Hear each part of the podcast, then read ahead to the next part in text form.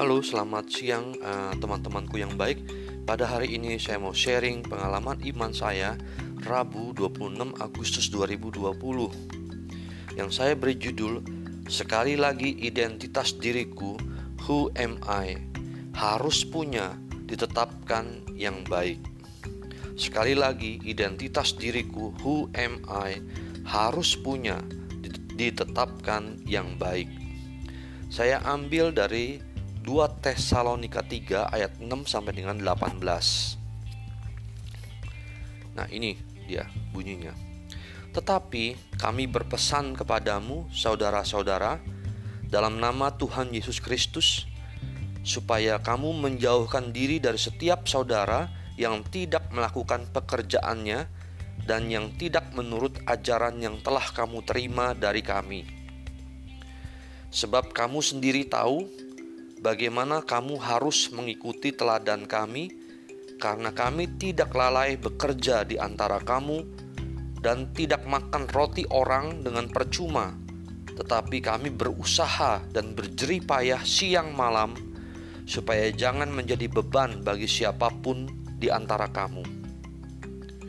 Bukan karena kami tidak berhak untuk itu, melainkan karena kami mau menjadikan diri kami teladan bagi kamu supaya kamu ikuti.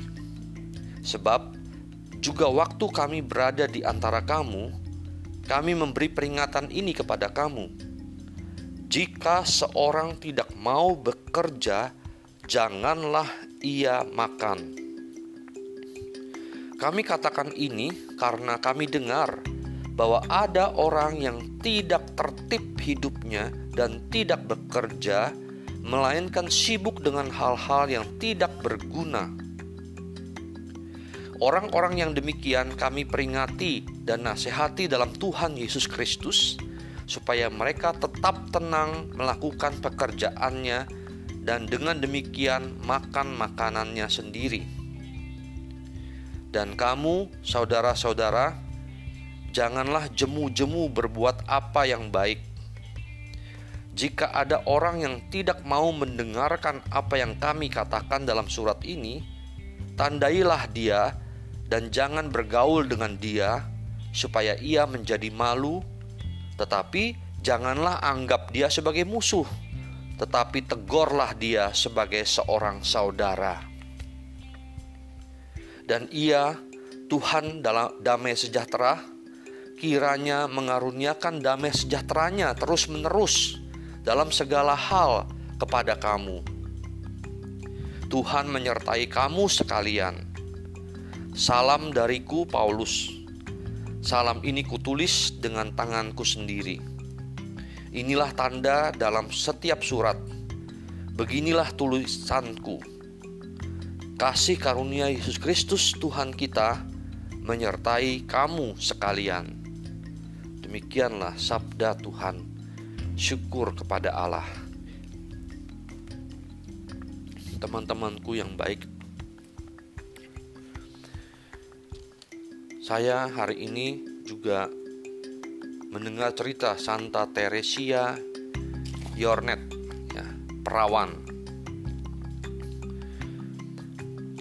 Saya menentukan judul sekali lagi identitas diriku who am I harus punya ditetapkan yang baik karena pada hari ini tadi pagi saya mengikuti misa kudus live streaming dari Gereja Katolik Roma Redemptor Mundi di Surabaya. Pasturnya mengatakan bahwa kita harus punya identitas diri yang baik. Ya, karena identitas diri itu yang bagus yang sesungguhnya. Ya berbeda dengan reputasi. Reputasi memang nama baik ya. Tapi kita berusaha ya menuju identitas diriku. Entah seorang Katolik yang sejati, entah entah kita adalah kesatria Kristus, ya anak-anak Allah, ya itu adalah identitas diriku, diri teman-teman juga. Nah, untuk ditetapkannya identitas itu, kita akan melakukan proses-prosesnya menuju identitas itu, menuju hasil identitas diriku, identitas-identitas teman-temanku juga. Proses-prosesnya seperti yang sudah saya katakan doa, membaca kitab suci, belajar, lalu bersekutu, berkomunitas, ya melayani Tuhan dan sesama dan memakai sakramen-sakramen yang ada terutama sakramen tobat dan ekaristi. Jadi itu menumbuhkan konsistensi dan persistensi kita karena kita telah menetapkan identitas diri kita Contoh teladannya ialah Santa Teresia Yornet Perawan.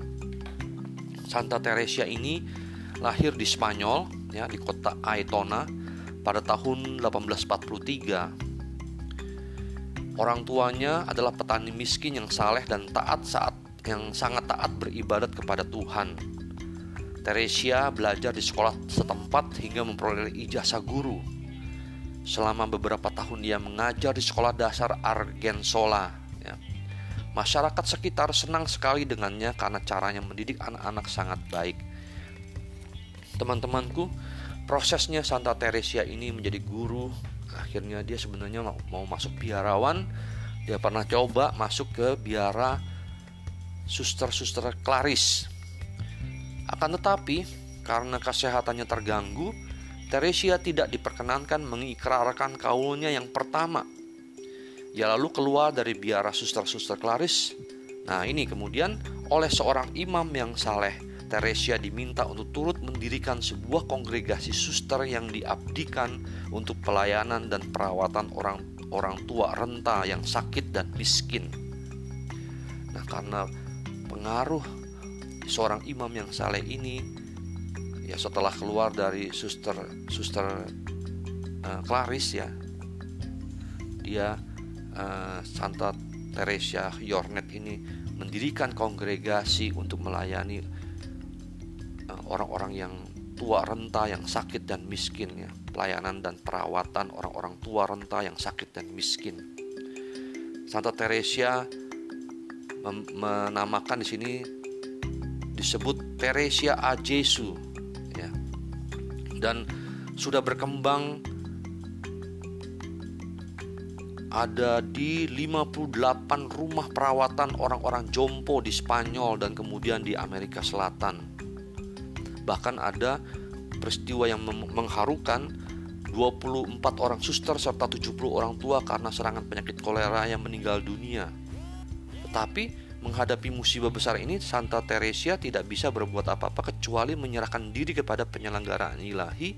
Imannya yang kokoh akan Allah memberikan keteguhan kepada suster-suster lain dalam melanjutkan karyanya demi kebahagiaan orang-orang tua yang dipercayakan Tuhan kepada mereka. Teresia Yornet meninggal dunia pada tanggal 26 Agustus ya.